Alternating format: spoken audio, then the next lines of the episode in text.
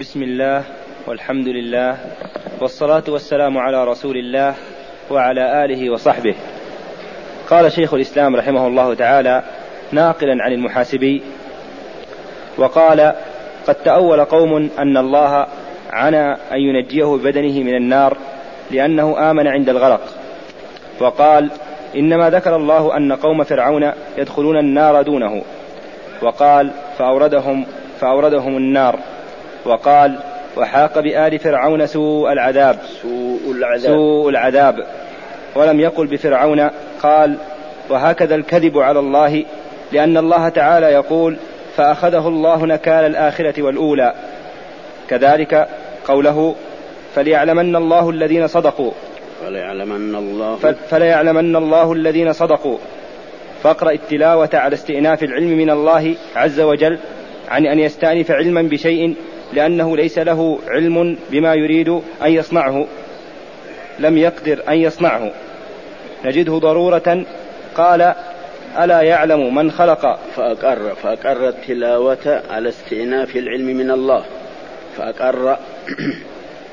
ليس فقرأ فأقر التلاوة نعم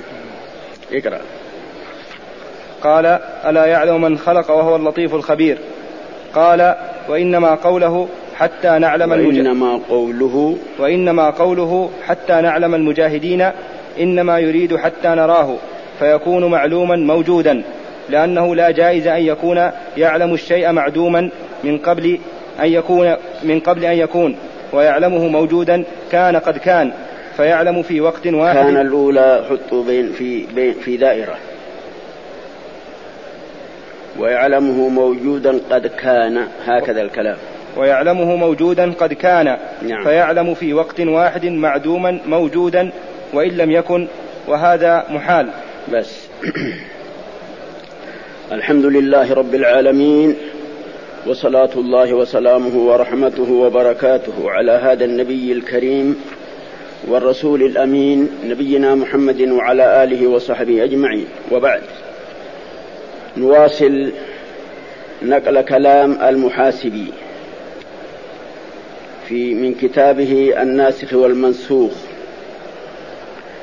يقول شيخ الإسلام ناقلا لكلام المحاسب وقال وقد تأول قوم إن الله عنا أن ينجيه ببدنه من النار لأنه آمن عند الغرق يرد المحاسب الزعم بأن فرعون نفعه إيمانه عند الغرق فنجاه الله من النار هذا ليس بصحيح وقال إنما ذكر الله أن قوم فرعون يدخلون النار دونه هذا الزاعم يقول هذا الكلام ويستدل بقوله تعالى فأوردهم النار فأوردهم أي أورد فرعون قومه النار فلم يرد هو معهم أي لم يدخل معهم يريد أن يفهم هذا الفهم والدليل الثاني لهذا الزاعم وحاق بآل فرعون سوء العذاب ولم يقل بفرعون وانما قال بال فرعون قال المحاسب وهكذا الكذب على الله وهذا الكلام كذب على الله ثم بين وجه الكذب فقال لان الله تعالى يقول فاخذه الله نكال الاخره والاولى اخذ الله فرعون وعذبه في الدنيا بالغرق الى ان هلك ثم نجاه ببدنه ليكون ايه لمن خلفه واخذه في الاخره باشد العذاب ادخلوا ال فرعون اشد العذاب وفي قراءة ادخلوا آل, آل, فرع آل فرعون أي آل فرعون أشد العذاب وفرعون في المقدمة فهو الذي يقدمهم عندما يدخلون أشد العذاب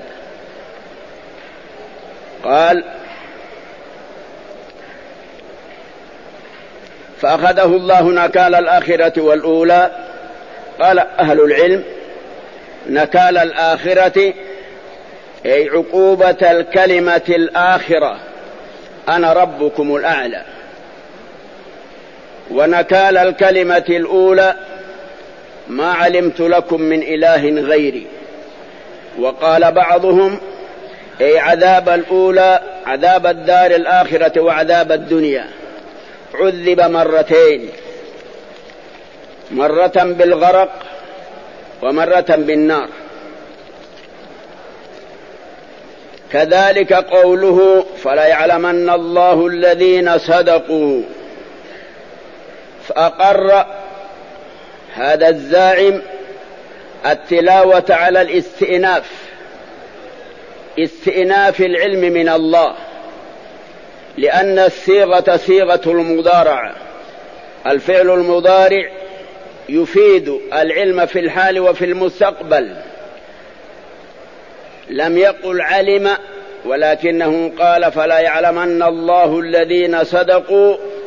يريد أن يفهم من هذه الصيغة بأن الله يستأنف العلم بالأمور عند وجودها أو بعد وجودها عز وجل عن أن يستأنف علما بشيء وهذا حتى في العقل مستحيل كيف خلق وكيف صنع وهو لا يعلم لأنه من ليس له علم بما يريد أن يصنعه لم يقدر أن يصنعه فالله سبحانه وتعالى أوجد العالم على نظام بديع لم يسبق له مثيل وهذا دليل على علمه الواسع المحيط بكل شيء قال نجده ضرورة حتى الإنسان يجد في نفسه ضرورة أنه أن إن الصانع أيا كان الصانع لا يستطيع أن يصنع صنعة وأن يعمل عملا إلا بعد العلم والإحاطة بهذا العمل قال ألا يعلم من خلق وهو اللطيف الخبير بلى إنه يعلم كيف يخلق وهو لا يعلم إذا القول بأن العلم عند الله مستأنف لا يعلم إلا الكليات والجزئيات لا يعلمها إلا بعد, بعد وجودها كلام باطل يرده العقل والنقل معا قال وإنما قوله حتى نعلم المجاهدين إنما يريد الله سبحانه وتعالى حتى نراه فيكون معلوما موجودا لا ينبغي ان يفهم من هذا بانه يفسر العلم بالرؤيه وانما يريد ان يحلل فيقول فيكون الشيء معلوما موجودا بعد وجوده يكون موجودا معلوما بانه موجود لأنه لا جائز انتبه لا جائز أن يكون يعلم الشيء معدوما من قبل أن يكون أي من قبل أن يوجد ويعلمه موجودا قد كان وهو لم يكن بعد فيعلم في وقت في الوقت نفسه أو في وقت واحد معدوما موجودا وإن لم يكن معنى هذا الكلام الله سبحانه وتعالى يعلم هذه الموجودات يعلم انها غير موجوده قبل وجودها وبعد وجودها يعلمها موجوده يعلم الشيء الذي سيوجده ويخلقه ويعلم جهاد المجاهدين قبل ان يجاهدوا انه معدوم لم يكن بعد الشيء الذي اوجده يعلم قبل ان يوجده بانه معدوم لم يكن بعد وبعد وجوده يعلمه موجودا فالله سبحانه وتعالى يعلم الشيء في الطورين الطور الذي قبل الوجود يعلمه بانه غير موجود وبعد وجوده يعلم بأنه موجود إذ من المستحيل أن يعلم الشيء معدوما وموجودا في آن واحد هذا مستحيل عقلا ومخالف أيضا لخلق الله تعالى وتكوينه فعلم الله متعلق بالمعدومات والموجودات معا بمعنى يعلم المعدوم بأنه معدوم ويعلم الموجود بأنه موجود لكن لا يقال يعلم الشيء الواحد معدوما وموجودا في وقت واحد هذا معنى كلامه رحمه الله نعيد القراءة مرة أخرى وإنما قولوا حتى نعلم المجاهدين إنما يريد حتى نراه فيكون معلوما موجودا لأنه لا جائز أن يكون يعلم الشيء معدوما من قبل أن يكون أي من قبل أن يوجد ويعلمه موجودا قد كان وهو لم يوجد فيعلم في وقت واحد معدوما موجودا وإن لم يكن بعد أي إن لم يوجد بعد إنما العلم هكذا يعلم المعدوم بأنه معدوم قبل أن يوجد ثم يوجده إذا أراد ثم يعلمه موجودا قد كان أي قد وجد نعم وذكر كلاما في هذا في الإرادة نعم وذكر كلاما في هذا في الإرادة إلى أن قال وكذلك قوله إنا معكم مستمعون ليس معناه أن يحدث له سمعا ولا, تكل ولا تكلف بسمع ما كان من قولهم وقد ذهب قوم من أهل السنة أن لله استماعا في ذاته فذهبوا إلى أن ما يعقل من, أن من أنه يحدث منه علم سمع لما كان من قول لأن المخلوق إذا سمع حدث له عقد عقد فهم عقد فهم عما أدركته أذنه من الصوت وكذلك بس بس نقرأ هذه القطعة مع التصحيح والشرح وذكر المحاسبي كلاما في هذا أي كلاما مثل هذا في الإرادة كما ذكر في العلو في صفة العلو إلى أن قال وكذلك قوله إنا معكم مستمعون ليس معناه أنه يحدث له سمعا غير موجود من قبل يريد أن يفهم هذا الزاعم من صيغة مستمعون إنا معكم مستمعون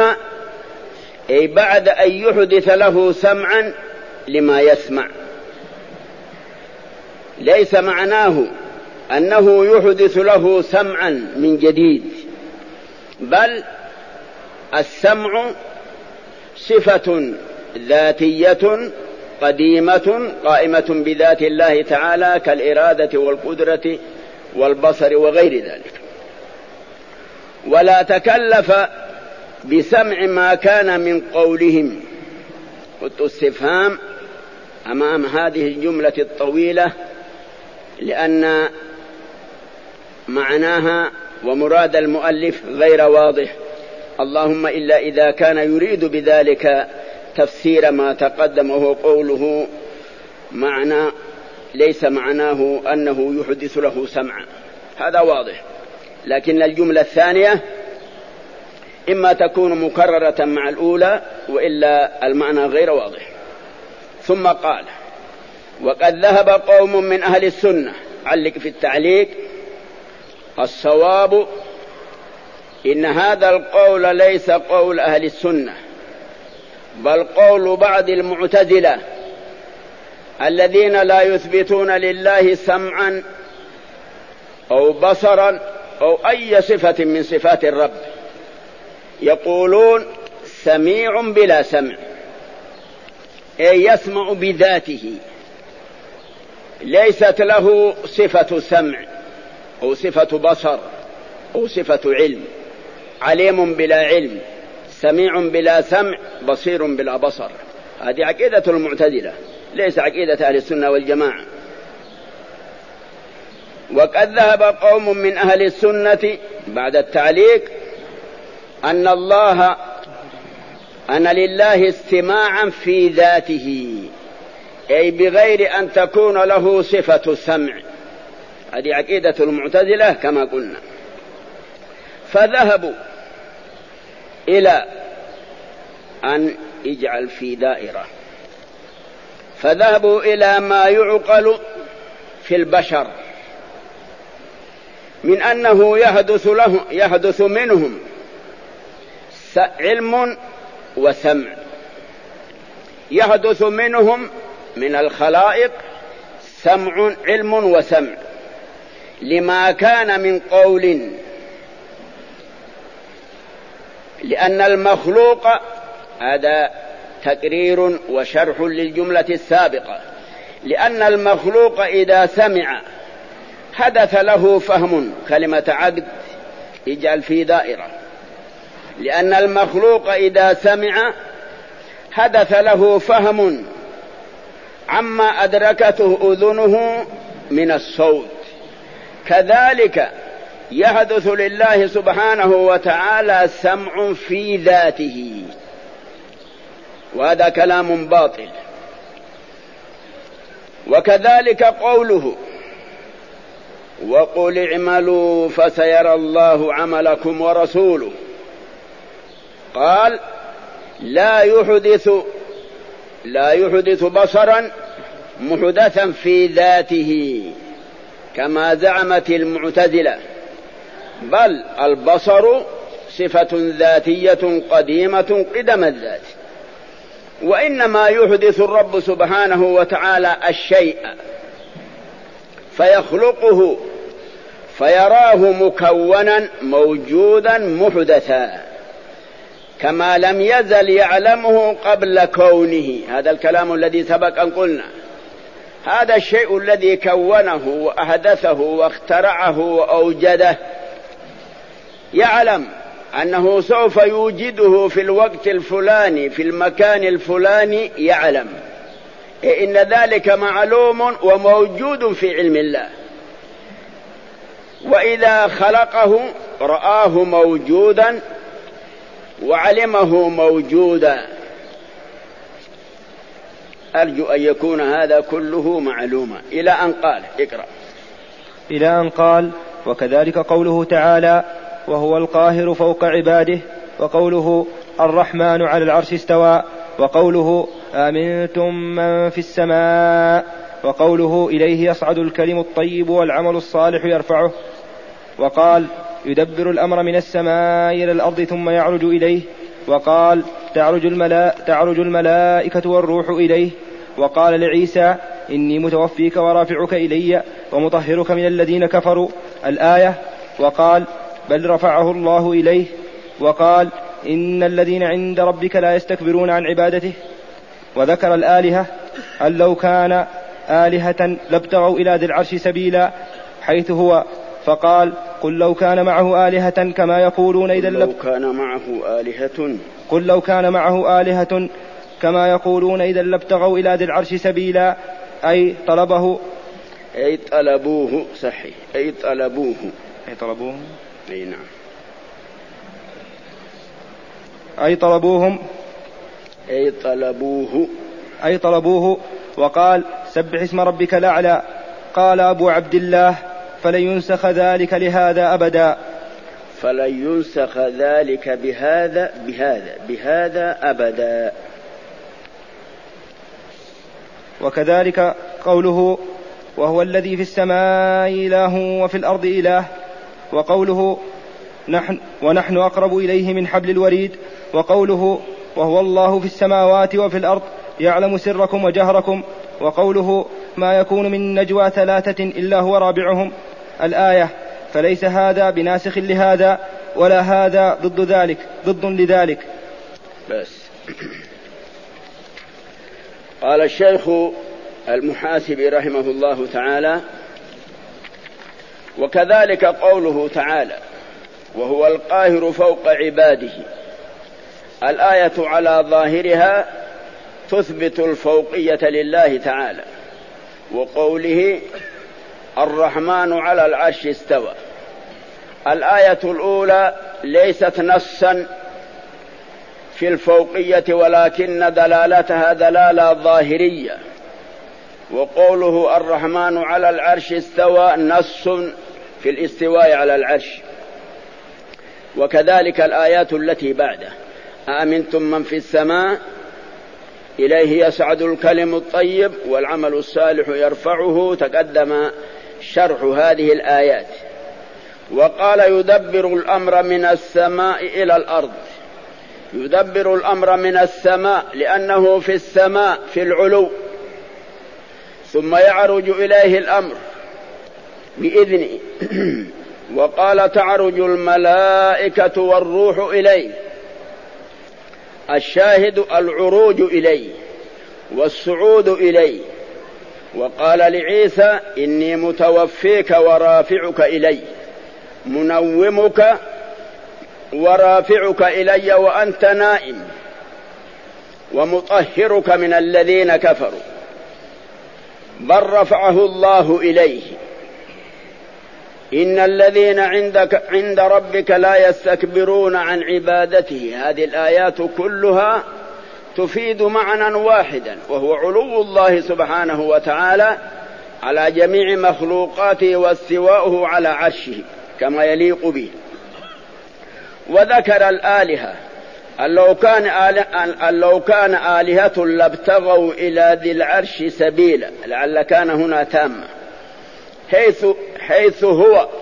لابتغوا إلى ذي العرش سبيلا حيث هو لأن الله سبحانه وتعالى فوق العرش فقال قل لو كان معه آلهة كما زعم المشركون كما يقولون أي كما زعموا إذا لابتغوا إلى ذي العرش سبيلا أي طلبوه في العلو فوق العرش وقال سبح اسم ربك الأعلى الشاهد في الأعلى هذه الآيات كلها معناها واحد وقال أبو عبد الله فلن ينسخ ذلك بهذا أبدا ليس شيء ينسخ شيئا في هذه النصوص أولا لأن النسخ لا يدخل في باب الأخبار كما تقدم وثانيا ليس في الآيات تعارض أو تناف حتى يدعى أن بعضها ينسخ البعض الآخر كذلك قوله وهو الذي في السماء إله وفي الأرض إله أين محل الشاهد من هذه الآية من يعرف أين الشاهد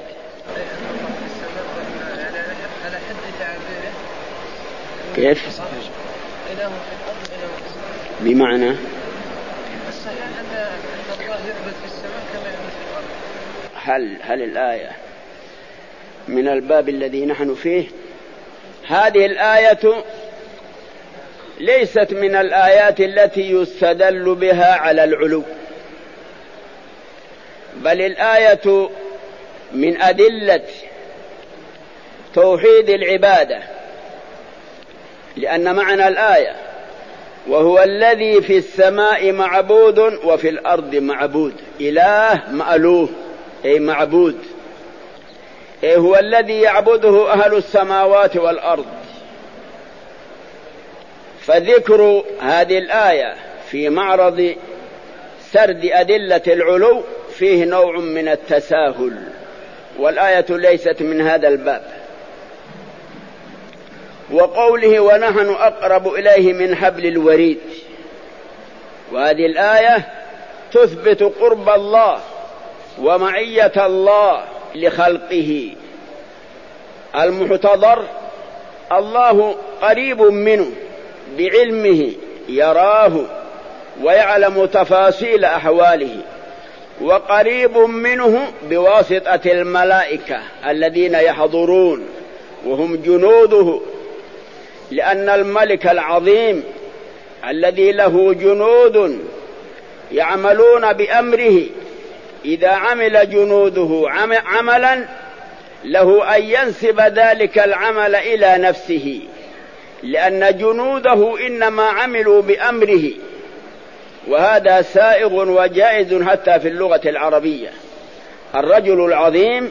له أن يرسل الجيش فإذا انهزم أعداؤه وهو في قصره لم يخرج قط يقول هزمنا وغلبنا الجيش الفلاني في المكان الفلاني يعني يحكي أعمال جنوده فينسب ذلك إلى نفسه ويتحدث ذلك بنون العظمة بضمير العظمة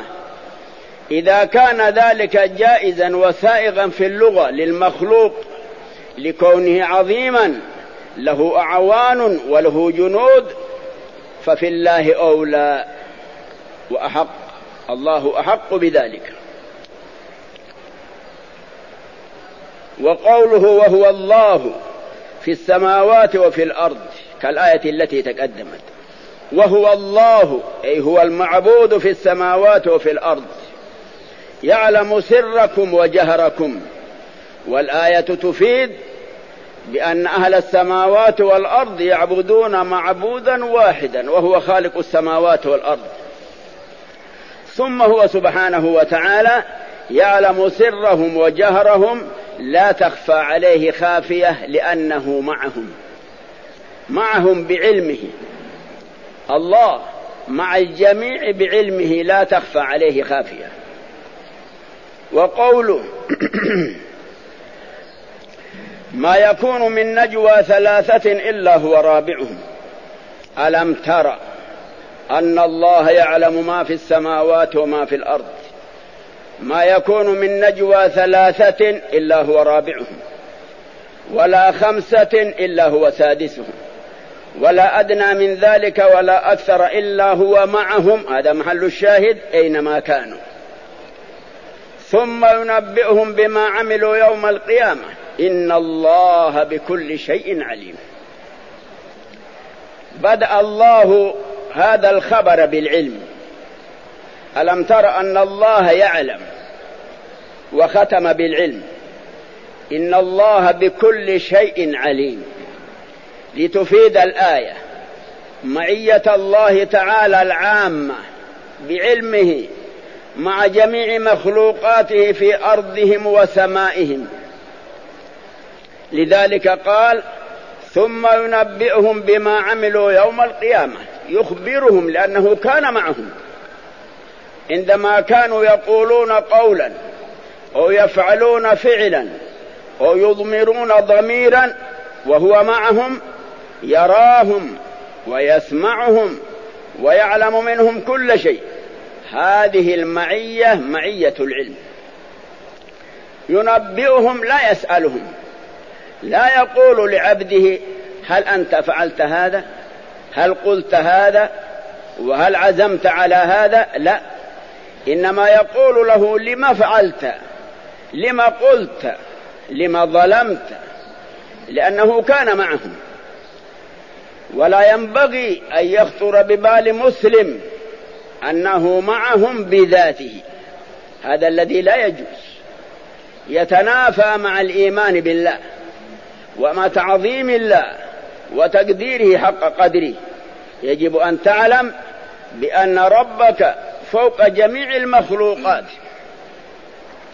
لذلك في آية الحديد قال الله تعالى والذي خلق السماوات والأرض في ستة أيام ثم استوى على العرش تمتاز هذه الآية لأنها تجمع بين المعية وبين العلو ثم استوى على العرش يعلم ما يلج في الارض وما يخرج منها وما ينزل من السماء وما يعرج فيها وهو معكم اينما كنتم والله بما تعملون بصير لو فقه القوم الذين ينفون العلو الايتين ايه سوره المجادله وايه سوره الحديد لخرجوا بنتيجه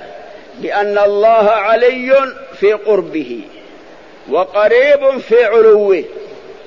اخبر عن نفسه بانه استوى على العرش ثم اخبر بعد ذلك انه معهم انه بذاته استوى على عرشه وبذاته فوق جميع المخلوقات لكن بعلمه مع الجميع لذلك قال الإمام مالك الله فوق عرشه بائن من خلقه وعلمه في كل مكان ولا يخلو مكان من علمه هذه هي المالكية المالكيون هذه هي المالكية كونوا مالكيين بهذا المعنى باعتقاد بأن الله بائن من خلقه وعلمه في كل مكان لا يخلو من علمه مكان هذه هي المعية تسمى المعية العامة جمع الله بين الخبر والإخبار عن استوائه على عرشه وبين المعية في سورة الحديد افهم جيدا هذا شيء مهم للغاية بالنسبة لمن هو متردد حتى الآن في أن الله هل هو في علوه وهو في كل مكان أنكر جميع أئمة المسلمين بما في ذلكم الأئمة الأربعة أنكروا على القائلين بأن الله في كل مكان وحكموا على من يقول ذلك بأنه جهمي جاهل لربه لم يعرف ربه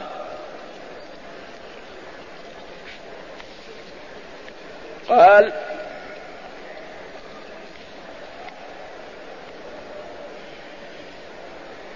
ثم قال الإمام المحاسبي فليس هذا بناسخ لهذا ولا هذا ضد لذلك هذه الآيات كلها ليس شيء ينسخ بعضه بعضا ولا توجد آية تعارض آية وتكون ضد آية أخرى كلها متفقة لأنها من عند الله وما كان من عند الله لا يختلف ولكن الشأن كل الشأن الفهم إذا فهم خبر الله وخبر رسوله عليه الصلاة والسلام لا يحصل هناك نسخ لأن الباب باب الأخبار ولا يكون هناك تعارض وما يظن من التعارض من سوء الفهم ومن القصور في الفهم نعم واعلم أن هذه الآيات ليس معناها أن الله أراد الكون بذاته فيكون في أسفل الأشياء أو ينتقل فيها لانتقالها ويتبعض فيها على أقدارها ويزول عنها عند فنائها جل وعز, جل وعز عن ذلك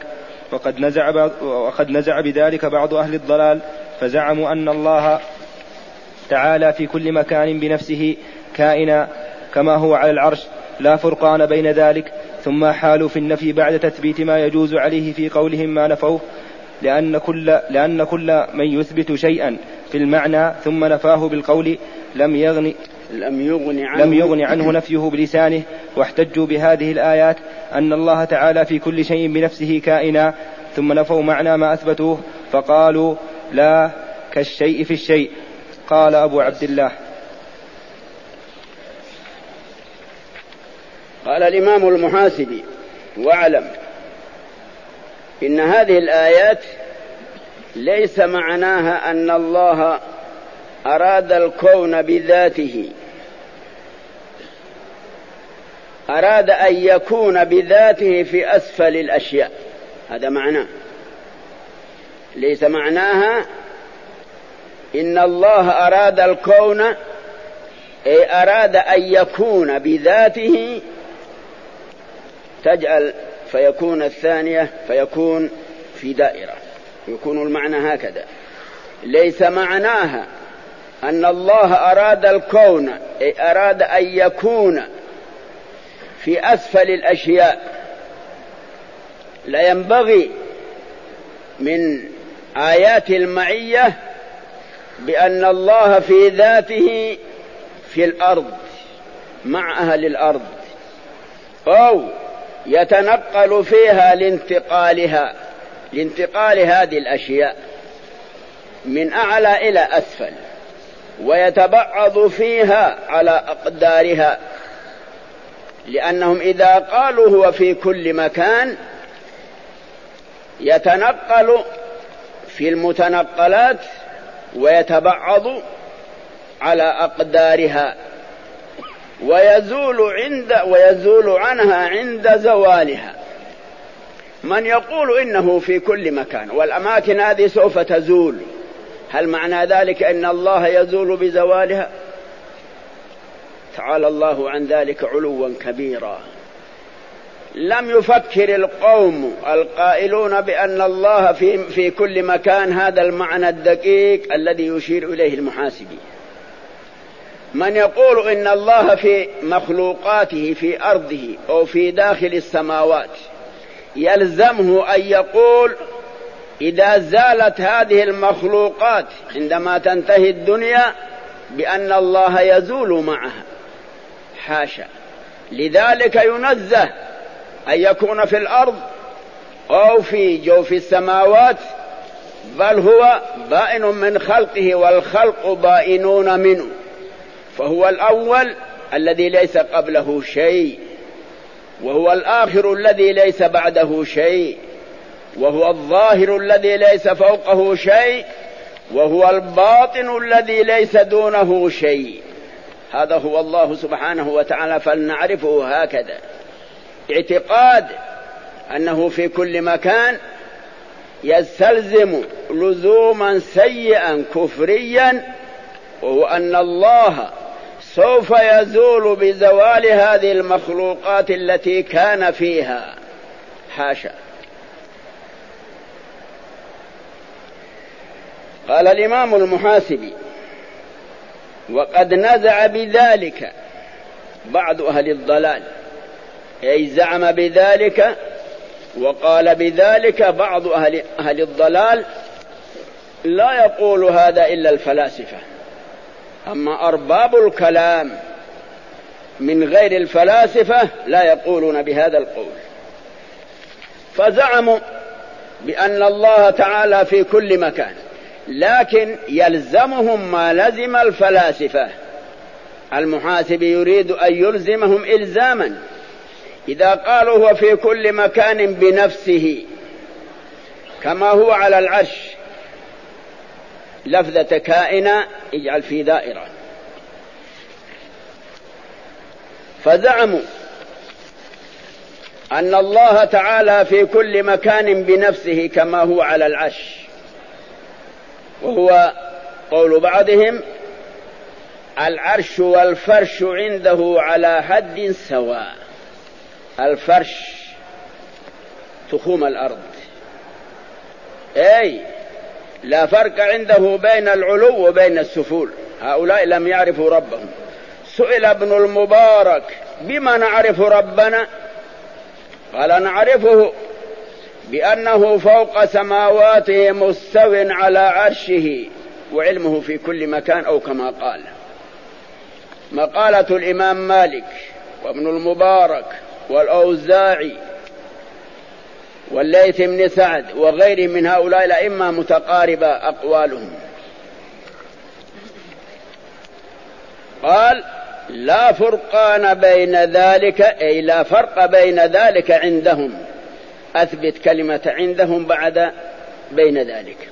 لا فرقان بين ذلك عندهم أي لا فرق بين ذلك عندهم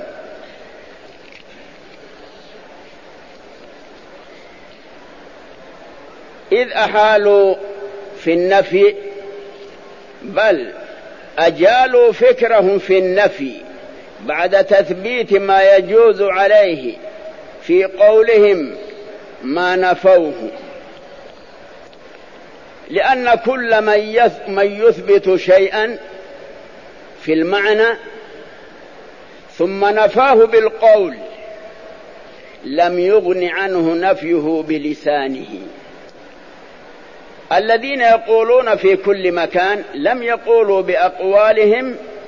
انه يزول بزوال هذه الاشياء بل ينفون ذلك لكن لا ينفعهم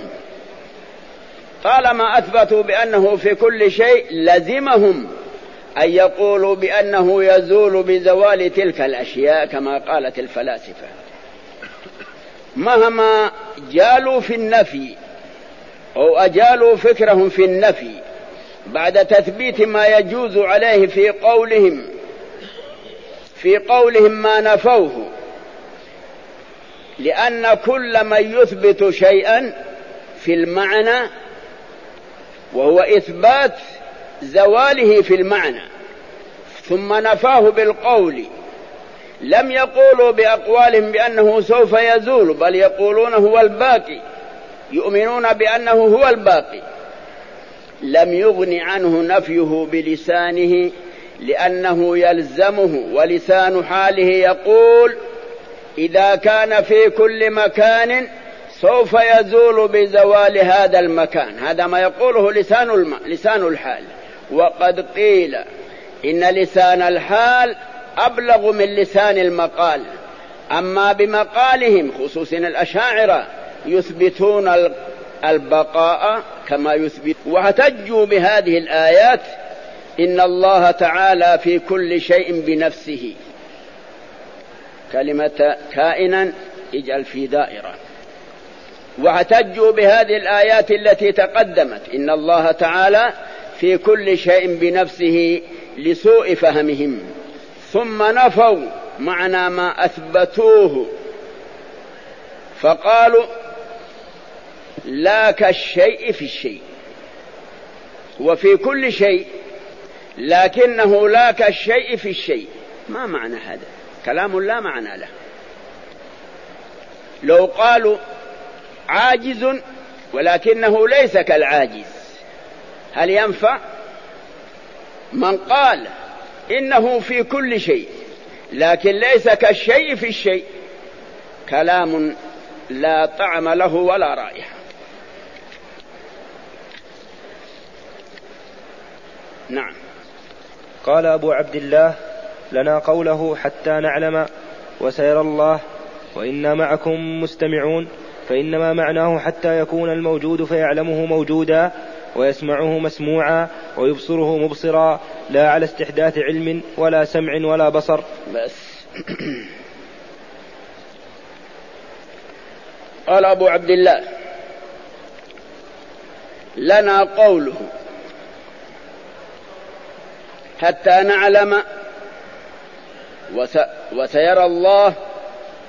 وإنا معكم مستمعون فإنما معناه حتى يكون الموجود حتى يكون الموجود أي يوجد الموجود على أن يكون تاما فيعلمه موجودا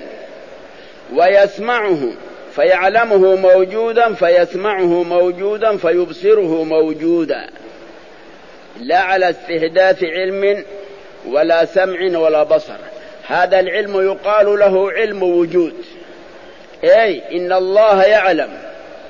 هذه الاشياء التي سيحدثها فيراها فهي موجوده فيعلمها وهي موجوده فيسمع كلام كلام من يتكلم منه وهو موجود لكن كل ذلك كان معلوما عند الله قبل ان يوجد يعلمه معدوما بانه معدوم سوف يوجد هذا الكلام قد تقدم ويعلمه موجودا بعد وجوده لذلك يقول المفسرون لمثل هذا العلم انه علم ظهور وعلم وجود اي علم يظهر لجميع الخلائق وعلم يتعلق بالموجود بعد وجوده وقبل ذلك يعلم بانه معدوم ولكنه سيوجد لانه هو الذي يوجده الا يعلم من خلق وهو اللطيف الخبير واما قوله اذا اردنا اذا جاء وقت المراد فلنقف الى هذا الحد وبالله التوفيق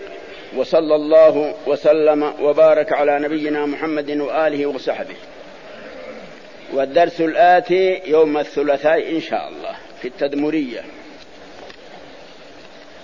ولعل هذه الاسئله نؤخرها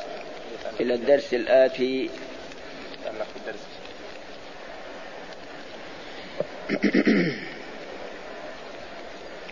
يقول السائل ما رايك في من يقول ان استوى بمعنى على وارتفع وجلس وثبت ان الله عز وجل جالس على عرشه ويقول انه ثبت في ذلك احاديث صحيحه ان كان السائل هذا يعلم من نقل منه هذا فلي فليجمع بيني وبينه والمقام لا يتحمل الجدال لأن المبحث في ذات الله تعالى وفي صفاته الذي ذكره أهل العلم في الفعل استوى الذي يتعدى بعلى أنه بمعنى على وارتفع وسعد واستقر واما جلس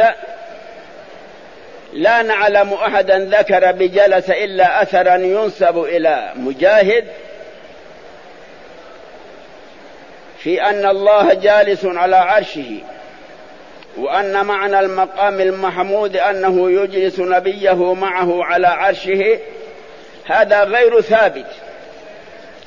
ولو روي في هذا حديث كما أشار السائل أرجو أن نجتمع به في وقت آخر لو أوردوا حديثا ظاهره أنه صحيح فهو باطل لأن من علامات الأحاديث الموضوعة أن يأتي مخالفا لنص الكتاب والسنة الصحيحة وما ثبت من قواعد الشريعة الإسلامية فالله سبحانه وتعالى أخبر عن نفسه أنه ليس كمثله شيء ووصف استواء الله تعالى بالجلوس تكييف الاستواء معلوم والكيف مجهول كيفية استواء الآن على هذا الكرسي معلوم بهذا الجلوس وكيفية استواء الراكب على الدابة معلوم يجلس هكذا في وسط الدابة واستواء راكب السيارة معلوم كيفيته واستواء راكب الطائرة كذلك أما استواء الرب لا أحد يعلم كيف هو أجمع السلف على أن السوى معناه معلوم وكيفية الاستواء مجهول الذي يصف استواء الله تعالى بالجلوس كيف ذلك الاستواء ويستبعد جدا أن يثبت في هذا حديث واحد ليس بأحاديث ولو ثبت بأسانيد صحيحة مصطنعة لأن اصطناع الأسانيد معروف بأنه موضوع ومردود بظاهر الكتاب والسنة وما كان عليه سلف هذه الامه وبالله التوفيق وصلى الله وسلم وبارك على نبينا محمد واله وصحبه